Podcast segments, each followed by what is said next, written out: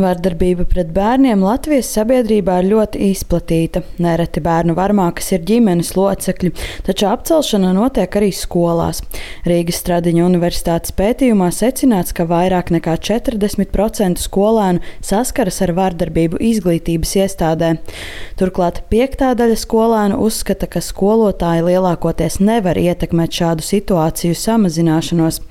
Un problēmas ir ne tikai skolās, arī citos bērnu aizsardzības aizsardzības sistēmas posmos tiek pieļautas kļūdas, un cietušie saskaras ar nevērīgu, pat vienaldzīgu attieksmi.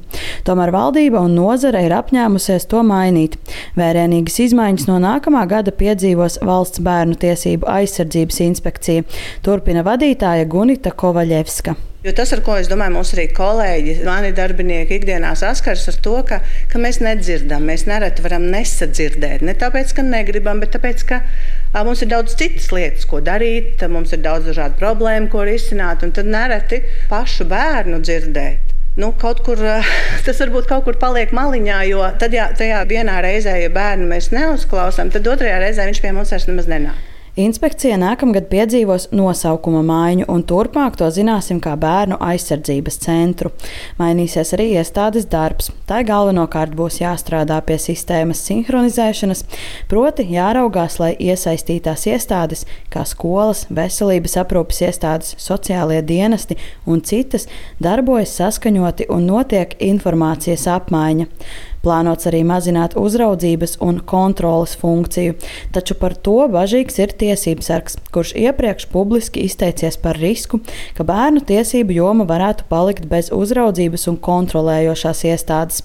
Nozarē gan uzsver, ka šobrīd lielākā problēma ir tā, ka sistēmā trūkst sazobes, skaidro Bērnu Kliniskās Universitātes slimnīcas anestezioloģijas un intensīvās terapijas klīnikas vadītāja Arta Bārzdiņa. Kad atgriezniskā saite noslēdz šo apli, ka mēs saņemam atbildi, kas ar to bērnu, par ko mēs esam ziņojuši, kas tad tālāk ir noticis, kur viņš ir palicis, vai viņš ir drošībā.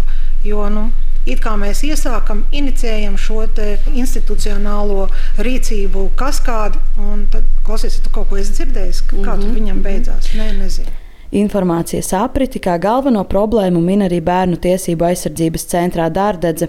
Centra komunikācijas vadītāja Anna Avena stāsta, ka speciālistiem, piemēram, jaunajiem ārstiem un pirmsskolu pedagogiem, trūks zināšanu par vārdarbību, kā arī nereti nav skaidrības par pazīmēm, kas norāda uz iespējamu vārdarbību īpaši agrīnā stadijā. Avena arī uzsver, ka bērnu aizsardzības sistēmas reformā galvenokārt jāpanāk, lai nenotiek cīņa ar sekām, bet iejaukšanās izmeklēšanās notiek jau ātrāk. Ārsts varētu ziņot sociālajam dienestam. Šobrīd šādas likumdošanā šādas normas nav. Ir vienīgā norma par to, ka noteiktās situācijās jāziņo policijai, bet mūsuprāt tas jau ir daudz par vēlu. Tad mēs tiešām cīnāmies ar sekām. Un šobrīd šis te, nu, nedaudz preventīvāks līmenis, kas būtībā nozīmētu ārstu intervenciju jau sekundārajā līmenī, kad bērna vecākam, piemēram, ir tās pašas mentālās veselības problēmas, vai um, atkarības, uh, vai alkohola atkarība un tā tālāk. Viena no būtiskajām izmaiņām bērnu aizsardzībā jau ir panākta. Latvijā ieviesīs bērna māju.